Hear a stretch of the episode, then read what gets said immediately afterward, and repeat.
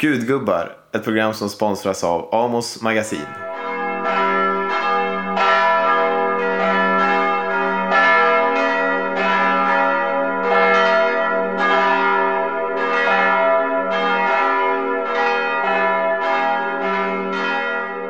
Välkomna till ett nytt avsnitt av Gudgubbar. Dagens gäst är ingen annan än Sivert Öholm. Vårt ämnestema idag det handlar om, om Gud och medier helt enkelt. Mm. Och det är därför vi har valt en person som har lång journalistisk erfarenhet och, och också av kyrkan. Eh, jag och Emanuel har ju det här intresset båda två, men ingen av oss eh, sysslar egentligen med, med, journalistik och kristendom i vardagen längre. Emanuel har jobbat på tidningen Dagen, är uppväxt i en pastorsfamilj. Absolut. Medan jag då är, är, en eh, tämligen benhård ateist. Men jag brukar beskriva det som att ledningarna i alla fall är dragna, även om det inte är någon ström i dem. Så jag har umgåtts mycket med kristna människor. Läst jag gillar mycket. verkligen den formuleringen. Ja, jag har fått den av en god vän som är pastor, får jag tala om. Eh, men men den, jag tycker om den också. Det vill säga, det finns ändå med viss läsning och umgänge med kristna människor så kan man ändå eh, tillgodogöra sig någon typ av förförståelse, även om man personligen sen då, som jag aldrig upplevt en gudskraft eller varit nära att komma till tro. Sådär.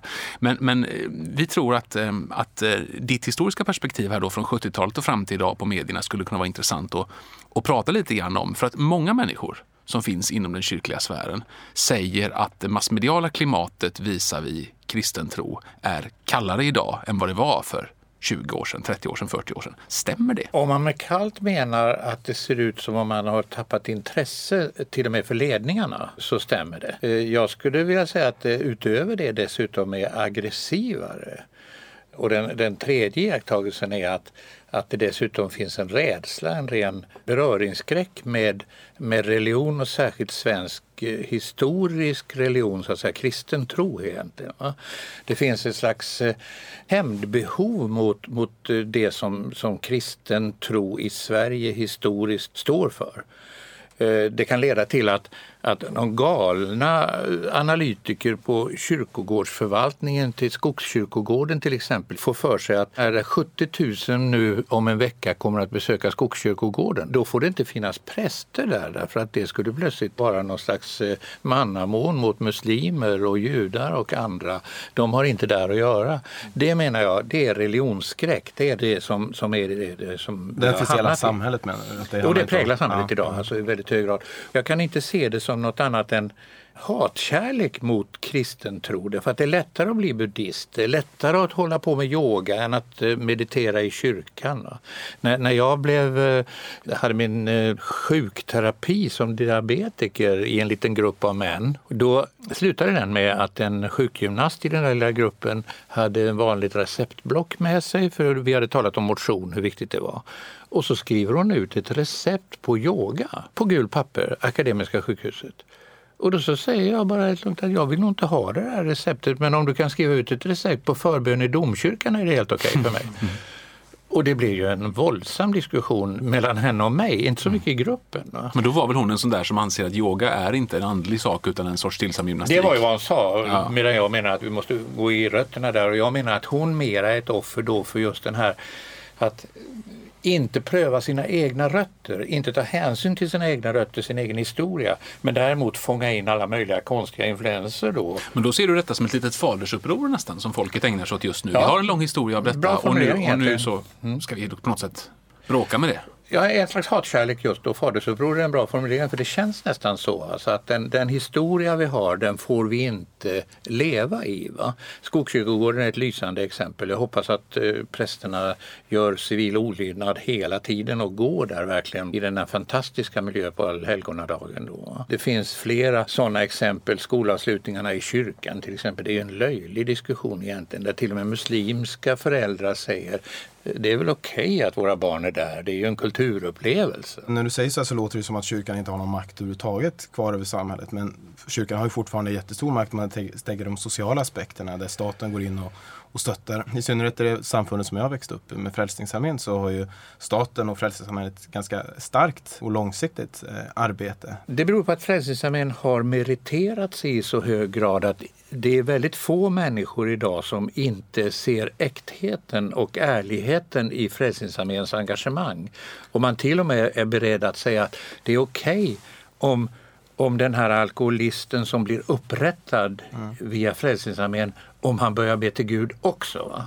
Men varför Det är är det smällar okej? man får ta helt enkelt Ja, ur statens det är perspektiv. ungefär så jag Ja. undrar om inte samhället ser det, eller Ja. i varje fall hittills har gjort det. Men varför är det okej då och inte yogan till exempel? Därför att jag tycker att, alltså för, det är ju ingen stor fråga egentligen det här med yoga, mer än, jag tycker att vi måste veta vilka rötterna, yo- yoga är en religiös och en andlig övning. Va? Men är inte det Christer Sturmark säger också med Frälsningsarmén? Du börjar inte på botbänken som det heter i Frälsningsarmén. Du börjar inte med att tvinga ner det här knäfallet på den här Som i yogan alkoholisten. då. I yogan så börjar du med att sitta med händerna liksom som en eh, from ängel och bena i kors. Va? Jag behöver inte bena i kors för att be till Gud. Så.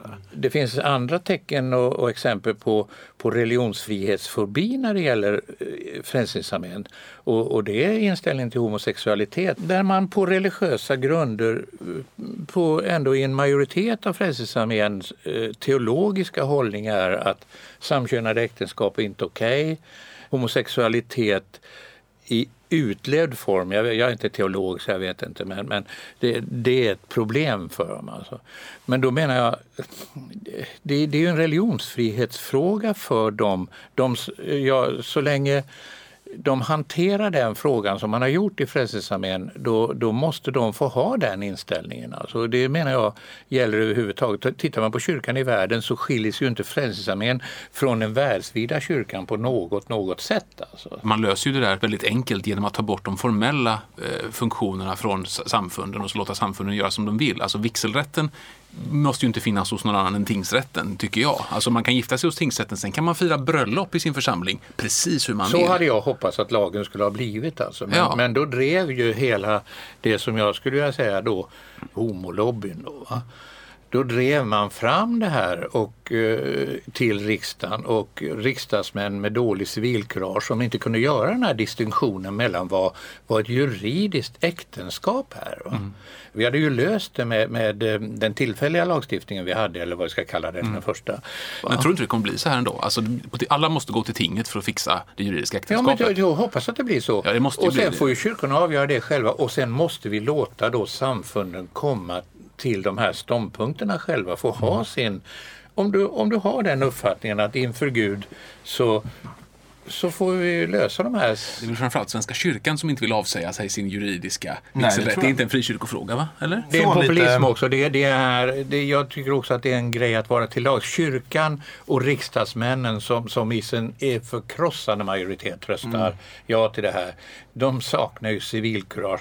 De saknar, i den här frågan ska jag säga, eh, vilja att göra den analytiska eh, prövningen utav det Det här. kommer en beröringsskräck in där ju. Det kanske också kom, knyter an till medierna idag. Att vi, vi som jobbar med, jag jobbar alltså, jag är till vardags reporter på Sydsvenskan men, men just nu är ledig för att göra lite andra saker. Och, och jag, menar, jag tror att vi kanske kan säga det att vi är olika kompetenta på olika saker inom dagspresskåren och att kyrkliga frågor inte är vad vi generellt sett har spetskompetens i. Vi är duktigare på annat. Nej, och då undrar jag, är det, om du pratar om historiska perspektivet här, är det så att idag är vi sämre på det? Alltså, det är färre med kyrklig bakgrund i journalistkåren eller att vi, att vi, vi har den här beröringsskräcken överhuvudtaget? Men är även det privatlivs, privatlivsproblem kanske? Att vi säger så här att men, tro, det där är en privatlivsfråga. Vilka säger det? Nej, men att vi har en känsla för att det är på det Ja, sättet. Attityden har blivit det. Ja, men, men det är ju alldeles fel därför att vår tids stora politiska berättelse är ju skärningspunkten mellan religion och politik. Det är 11 september och det är War Ja, on visst, Terror och det är, alla de här frågorna är ju liksom den skärningspunkten. Det amerikanska vår tid- presidentvalet. I Sverige är det ju verkligen inte så. Har vi sett några exempel på det i Sverige?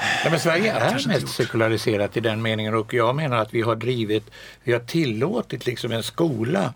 Jag är ju folkskollärare, utbildad folkskollärare alltså med examen på 60-talets början. Och, och jag var med om den här perioden när vi införde grupparbete. Allt enligt förebild från DDR egentligen. Där vi skapade en skola där gruppen skulle avgöra, gruppen skulle liksom komma till slutsatsen. Individen kom egentligen bort. Det insåg vi inte då, jag trodde på det då. Jag trodde på det som pedagogisk metod för jag förstod inte bakgrunden och rötterna. va. Men eh, vad jag märker det är att vi skapade egentligen inte inte individer. Vi skapade inte trygga människor, inte människor som, som faktiskt mina föräldrar skapade hos mig det här devisen att jag är jag och jag duger. Du duger Sivert, det var mina föräldrars budskap till mig. Va? Mm. Och det tycker jag vi har tappat mm. i väldigt hög grad. Men om vi återför lite grann här just till, till massmediediskussionen så, så har vi pratat lite grann om så att säga, en, en sorts religionsskräck i, i samhället idag. Men vi kan säga att det finns en sån, eller en oförmåga att hantera frågorna. Då kan man ju möta det på några olika sätt. Man kan ja, men vänta nu, ja. religionsskräcken, brist på kunskap skapar ju i alla sammanhang skräck. Mm. När Lasse Adaktusson började på Journalisthögskolan i Göteborg har han berättat så var det ett stort hinder att han faktiskt var pingstvän. Han höll på att inte komma in där. Jag har andra sådana exempel. Eva Kronsjö som hon hette på den tiden, jag tror hon har återtagit det namnet. Eh, en annan journalist, duktig, hon jobbade på dagen under några år dessutom. Inte heller hon höll på att komma in på Journalisthögskolan därför att hon hade en uttalad kristen tro. Jag kan ju dra parallell till mig själv då. Att jag som är uttalat kristen, jag börjar, börjar på dagen och sådär, har aldrig, det är aldrig någonsin någon som har ifrågasatt mig utifrån att jag har eh, växt upp i en kristen familj, att jag är uttalat kristen och sådär. Nej, men var det så att du började på dagen? Du, du har redan ja, från början liksom satt ner foten? Eller? Men var det ett större problem med min poäng då än vad det är idag? Men för att det låter samtidigt som att du säger tvärtom, att, att eh, det var lättare förr. Det var egentligen när man började det organisera problem. det här och skapa kontrollen över människorna som gick ut där, alltså stöpa journalisterna i samma form, eh, stöpa dem i samma ideologier delvis, i varje fall ideologier i meningen vilka ämnen är intressanta, vad är det som är ett växande problem i samhället, det var formuleringen vi använde. Va? Bara det som är ett växande problem är värt att analysera eller värt att ta upp. Och det innebär att, att vi har fått en journalistik som, som blir väldigt konform, det är det ena. Eh, journalisterna har dessutom blivit allt mer maktmänniskor. Och det i sin tur tycker jag då, eh, det, det, det yttersta uttrycket för det är att vi i Sverige har en fullständigt unik journalistik i form av de politiska kommentar, kommentatorerna som sitter. Mats Knutsson eller vad de nu kan heta, eh, KG Bergström. Så han heter. Alltså, det är ju fullständigt orimligt att de ska tycka åt mig vad jag ska tycka hela tiden. Att de ska analysera politiken på det sättet. Men är det verkligen unikt? Ja det är det. Du skulle inte Fox få det i USA. Inte någonstans skulle du få det på vad det säger sättet. de Fox News då? Fox News talar ju om vad det är. Jag har sett mycket på Fox News även i USA. Va? Mm. Och du, du kan säga att en en programledare kan avslöja vad den står för i Fox News. Men programledaren är inte mer korkad än att han tar in då två, tre... Jag har aldrig sett så häftiga morgondebatter i Fox News mellan olika ståndpunkter som förs fram. Fox News däremot, det, det är ett sånt bra exempel i Sverige på den här journalistiska förmyndarmentaliteten som vi har. Fox News finns inte i Sverige, det måste vara det enda land där det är förbjudet. Det är ideologiskt förbjudet att se på Fox News i Sverige. Ja, vi är I... demokrater, vi är inte republikaner i Sverige. Det är ju liksom så på något sätt. Va? Ja, men det, och det kan man diskutera varför. Ja, men det är, ju alltså, ur yttrandefrihetssynpunkt, ur journalistisk frihetssynpunkt. Men att det är censurerat? Ja, det menar jag. Att tillgången till Jag har försökt att föra in eh, Fox News i Sverige mm. och misslyckades tyvärr med det, eh, vilket berodde in, eh, jag jobbade ju under eh, några, ett år, faktiskt ett halvår drygt, på en, en norsk tv-kanal eh, som, där vi hade Fox News. Va? Men de hade för lite pengar därför att eh, ska man ha kristen tv så måste man säga halleluja åtminstone varannan minut för att få in bidragen så att säga från lyssnarna. Va? Och det gjorde inte vi i den här kanalen och därför fick vi inte och pengar. detta var den som hette Värdekanalen? Ja, den heter Värdekanalen. Just det. det föll på att, att vi hade inte pengar att betala. Mm. Sen försökte jag liksom att jobba lite grann med att få in det via andra vägar i Sverige då starta en kanal här. Och där kan jag väl då säga att jag har inte lyckats ännu men kommer att lyckas. Hur mycket pengar behöver du? Starta med en 50-60 miljoner ungefär. Men då är frågan, behövs detta? Är det rätt sätt? Behöver vi skapa en eget reservat för kristen journalistik eller är det bättre att satsa på att reformera, ur din synpunkt då, att reformera den befintliga journalistiken? Därför att det finns ju alltid en risk att man skapar ett reservat där du når bara mm. de bokstavligt talat redan frälsta. Det finns ju en kanal 10 ska man ju säga. Alltså det finns ju... Ja, men som är ett reservat idag. Ja, verkligen. Ett reservat. Ja. Jag har varit väldigt försiktig med att kritisera kanal 10 inte för det de gör, för det tycker jag är ibland förskräckligt. Va?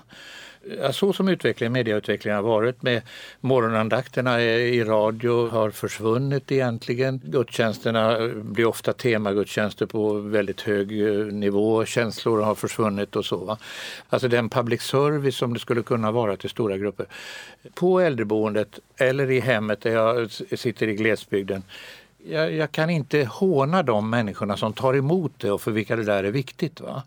Men jag skulle vilja att de människorna som har ansvar i kanal 10 tar sig själva intellektuellt i kragen. Alltså det kan inte vara rimligt att producera det utbudet. Det finns några program där också som, som inte är dåliga.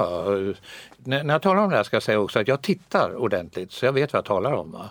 Det är inte så att jag bara pratar om no någonting som jag tror. Va? Människors vittnesbörd håller nästan alltid. Va? Som, som program. Om de är tillräckligt bra gjorda, om det är en levande människa, om man känner äktheten i det. Med vittnesbörd, vad menar du då? Ja, när man berättar om sin egen livshistoria på något sätt. Om, om ett gudsingripande. Det kan i och för sig vara ett mirakel och de älskar ju mirakel och gör liksom nästan business på mirakel därför att då får man mer pengar. Ja, men för där har vi många exempel som inte är kristna i, i tv i synnerhet. Heter de fenomen och ja. alla möjliga eh, program och så vidare. Men, men det är ju aldrig man ser det du pratar om här nu då. Ett, en kristen människa som berättar om Guds ingripande. Nej. Eller får se det Nej, men det ingår ju i religionsskräcken därför att om du för över alla, det finns ju pågående program just nu i både Femman och några andra kanaler och även i SVT där du håller på med det här eh, spökhistorier på olika sätt mm, eller precis. olika typer av mirakelhistorier. Mm.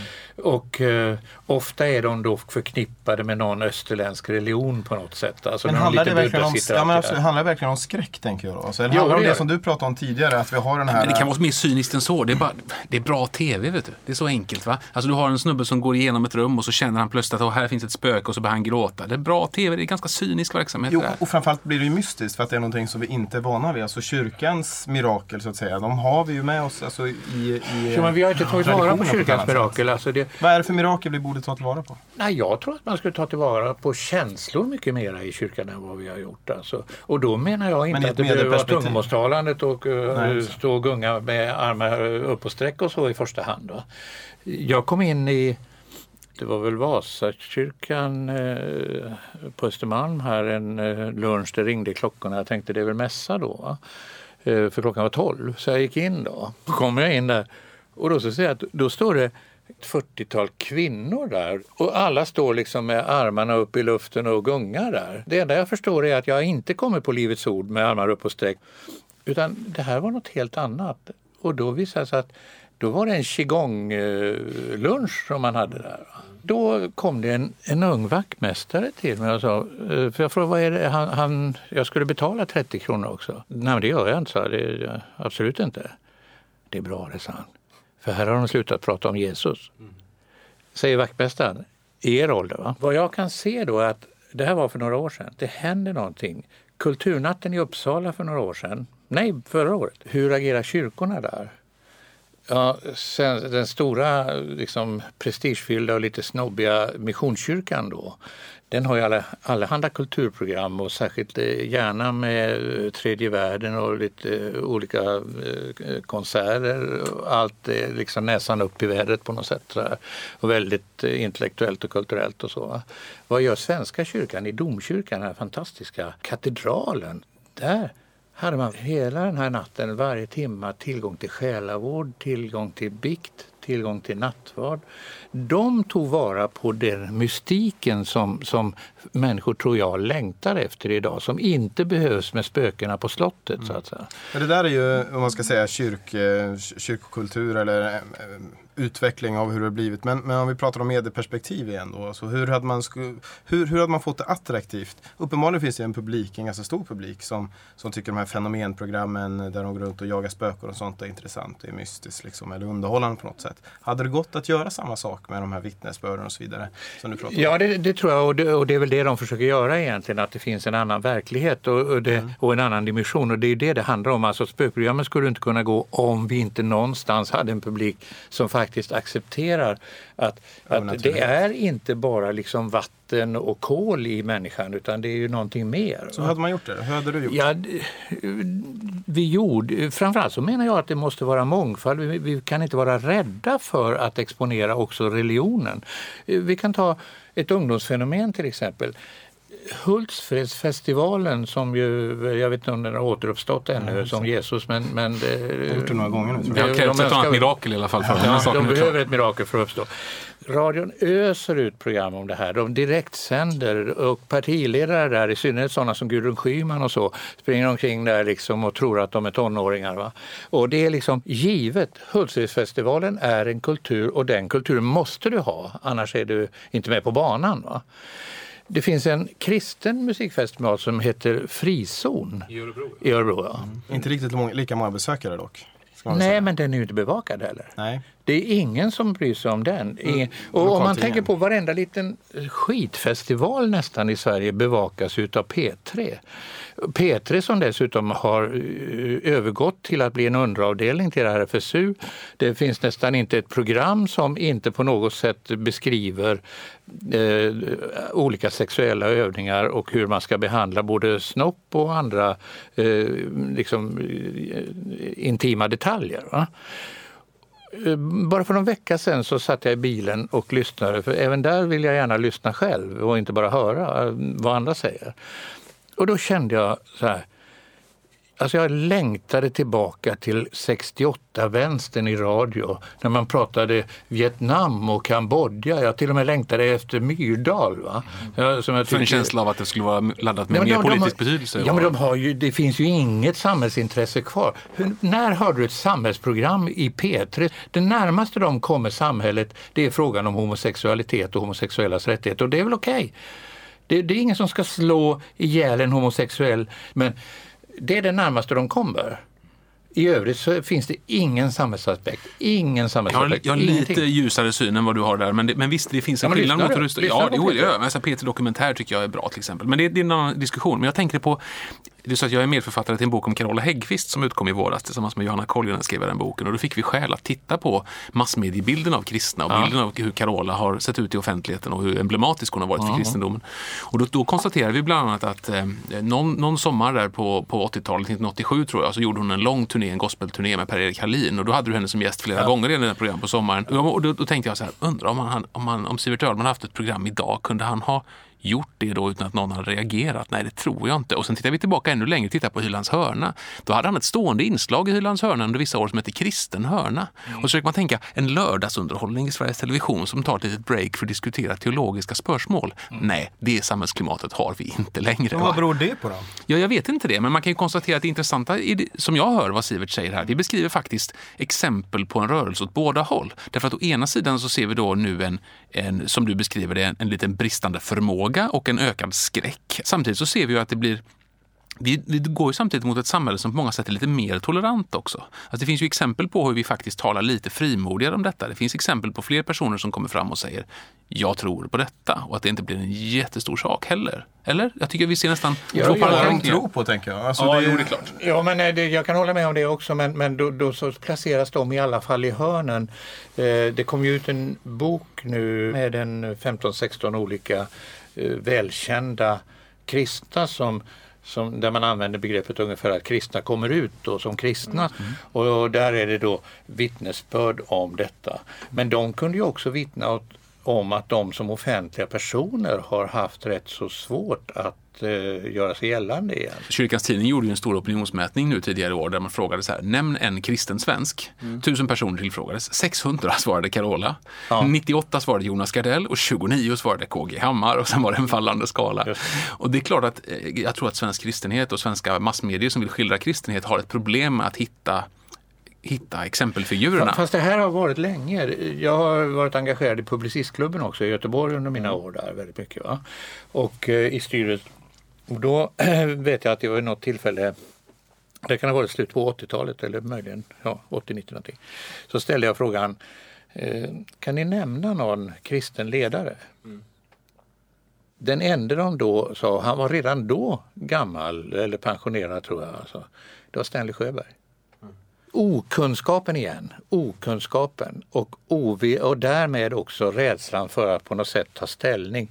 Varför skulle en, en festival som, som eh, till exempel Frizon då inte kunna publiceras i radio med samma eh, så att säga, objektiva intresse för journalistik och musik vad tycker du om det Andreas? Jag skulle inte ha något emot det alls, därför att jag är generellt sett för, jag, menar, jag är visserligen ateist och jag tror att världen på många sätt skulle må bättre av en klarare distinktion mellan religion och politik. Men samtidigt så förutsätter det ett samtal. Varför gör vi den här programserien? Jo, därför att jag, ateisten och du, den kristne, vill samtala om de här sakerna med, med andra personer. Det är därför Ja, vi du kan samlas till att göra heller inte detta. förneka annat än att Hultsfredsfestivalen var väldigt mycket politik. Va? Det är sant. politik i festivalen är helt Det är man inte rädd okej. för. Nej, det är rätt. Det är rätt. Medan religion är man livrädd Nej, men det, någon, det finns en beröringsskräck här. Det är den vi ska försöka göra någonting åt med den här lilla programserien. Och vi ska, vi ska faktiskt börja runda av. Vi vill eh, inte eh, utsätta läsarna för våra amatörmässiga försök, eller jag menar lyssnarna, jag kan inte ens ha rätt på det, i mer än 30 minuter så här per, per tillfälle. Jag tror att det kanske eh, blir lagom. Men, men Sivert, jag tror att vi har ändå en, en sista fråga som vi vill ställa till dig här. Hur bedömer du att detta kommer att utvecklas? Inte, inte som önskedrömmen, om du gör en krass analys på vad du vet, din, din massmediala erfarenhet och din syn på kyrkan. Hur tror du att vi kommer att röra oss över en 5-10 årsperiod i, i Sverige vad det gäller massmedier och religion? Eh, jag tror att det finns två utvägar här. Dels att eh, den här beröringsskräcken och nästan eh, Eh, ett slags eh, förakt och på gränsen till kristendomshat kommer att utvecklas. Så att eh, det kommer att bli svårare helt enkelt att vara kristenbekännare i både i media och i näringsliv. Alltså därför att man kommer att säga att med den åsikten så kan du inte vara med här. De exemplen kan finnas. Det är skräckscenariot. Det andra är att vi även i Sverige och även i svenska medier tar till oss att eh, eh det finns ett, ett sug, ett, en oerhörd eh, längtan efter andlighet. Va? Den ser inte ut så att man längtar efter Svenska kyrkan efter, eller efter pingströrelsen, inte ens efter Frälsningsarmén.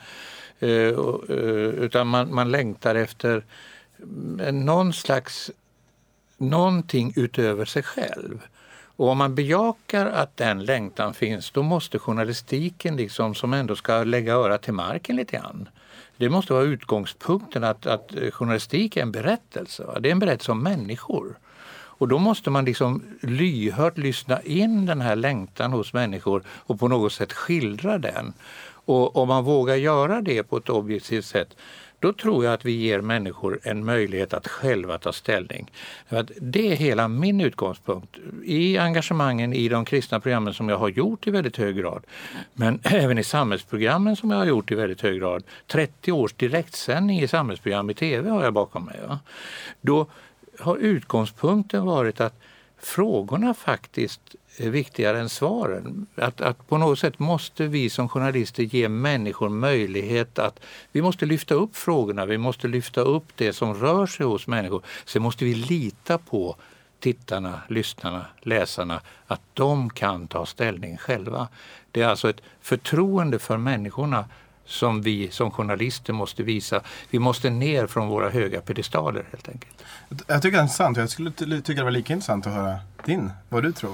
Alltså min, ja, jag vet inte. Det är, ju- ja, det, är, det är tacksamt att välja eh, två scenarier. Jag, jag hoppas ju på att vi kan klara av att lyfta de här frågorna från själen, säger jag, lägger händerna på hjärtat till huvudet. Va? Alltså vi klarar av ett lite kyligare intellektuellt förhållningssätt där vi till exempel kan klara av att bena ut vad som är vad. Vi pratade här tidigare om, om eh, äktenskapsfrågan till exempel. Låt oss titta på vad är teologi, vad är juridik och låt oss klara av det. Alltså det är det jag längtar efter och hoppas på. Samtidigt så ser man ju en tendens till snabbare puckar, till, till hårdare repliker, till kortare repliker och ett, ett tempo som är så högt så att jag är orolig att vi ska tappa tålamodet för de komplexa frågorna. Det kan jag känna i massmedierna i takt med att vi också, våra resurser eroderas ju. Men ja, det är men, en annan men vi diskussion. är lite unika i världen också om man tänker på, eh, om du tar Tyskland till exempel. Angela Merkel kan mycket väl stå och inviga eh, de lutherska kyrkodagarna i Bremen förra året, förra hösten. Det var så mycket folk så det var trafikstockning in till Bremen i flera timmar. Hon står där och hon gör det va, med Mm. sin inställning. Eh, I den eh, amerikanska valdebatten just nu är religion i hög grad med på olika sätt, även hos de två Mm. Nej, huvudkandidaterna. det är ju knappt att Göran Hägglund skulle våga inviga en kyrka. Ju. Göran Hägglund vågar ju inte ens ta diskussionen om flickaborterna och, och den här typen av eh, diskussion som kom upp nu allra senast. Då. Nej, jag är Men kristen. Ja, Göran, jag vet inte. Han, ja, men det är så här som det är som är Fredag, popbandet på Ja, 80-90-talet, just så här, det. som Just ansågs vara ett kristet band. Liksom. Som inte ville kalla sig Nej, men det var, ju, det var bra blekt för att vara kristet. Alltså, det var ju liksom så att, ja, vi, okej, de var från Småland och de hade lite dubbeltydiga texter. så man kände att hjärtat är fullt utav dig och allt man kan önska sig. Det skulle kunna handla om Gud och inte en tjej. Okej, kanske. Ledningen var dragen, Ledningen var dragen, va? men det var inga tydliga budskap. Det var inte förkunnelse, det var inte bekännelse. Utan det var en väldigt, väldigt rädsla. Så jag har alltid tyckt att Fredag är ett sorgligt exempel på ett kristet band. Men ett okej popband. Nåväl, det är en helt annan diskussion. Vi måste runda av. Ja, men jag får, får jag avsluta också då? Du får det. Du får det. Och så ska vi också tala om var vi befinner oss. Det kan du väl göra Ja, när det du ska jag rundar göra av. sen. Jo, men för att jag tänker så här att vi har en, en tid, och det är det vi pratar om väldigt mycket nu, där kyrkan har haft en sån maktposition och pendeln på något sätt har slagit över. Alltså vi har varit på något sätt, vi har legat under kyrkans, inte förtryck, om man, man kanske ska använda ett sånt ord, men nästan lite så. Jag tror att vi uppfattar det nästan så, att vi har, eh, kyrkan har haft så stor och stark makt under så lång tid. Och, och det är därför som vi har så svårt med kyrkan idag överhuvudtaget, alltså med, med allt som har med, med kristendom och, och Gud att göra, för att vi förknippar det med, med en maktposition i, i så hög utsträckning. Liksom. Att det, det där, alltså jag, jag tror att det det kommer ta tid och, och kanske är det så att någonting behöver dö. Kyrkan på något sätt behöver krympa. Det gör ni ju väldigt mycket. Vi pratade tidigare om att frikyrkan idag bara har 220-250 000 medlemmar och, och Svenska kyrkan har 69 procent är anslutna. Det är ju väldigt mycket men Eh, om vi nu pratar om den aktiva kristna eh, idag så tror jag att det kommer behöva, behöva krympa. Och vi kommer komma loss, behöva komma loss från de här formerna som har varit ganska förtryckande mot väldigt många i samhället. Och när vi gör det så kommer vi nog uppfatta igen då, istället för kyrkan som en overdog, som en underdog. Och då tror jag att det kommer kastas om igen. Då Men det är, ju, få- det är ju bara precis som vi beter oss med allting annat. Ja, det vill säga, vi kommer inte ha de här jättestora samfunden, vi har inte de här jättestora politiska partierna. Utan vi nischar oss. Vi engagerar oss i mindre sammanhang, mindre formeringar. Folk, De ja, är borta blir, de är borta, ja. Så du kommer att se fler kyrkor med färre vi inte, medlemmar. exakt, och då kommer vi inte prata så mycket om kyrkan och, och religionskyrkan eller religiös utan då kommer det vara en tro. Som, och jag tror att det kommer hanteras på samma sätt som vi pratar om det här med fenomen och, och, och allt vad det vad kan heta för olika typer av eh, eh, nyreligiositet och så vidare. Och där kommer Gud och kyrkan och kristendom vara Fast av- kristen tro växer ju också i Sverige på mm, lite märkliga sätt och i de här udda sammanhangen. Det bildas väldigt mycket nya församlingar i förorterna inte minst. Ja precis, men, och där, saker. slår man sig fri från de gamla Ja, uppfattningarna så vad kristendom är. Och då tror jag vi kommer se något nytt.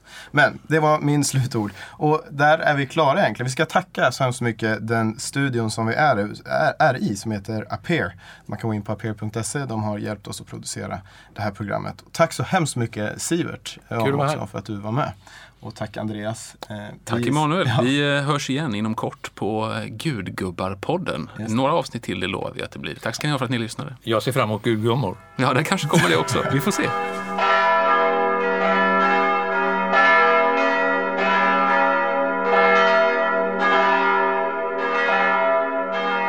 Du lyssnade precis på en podcast som sponsrades av Amos Magasin.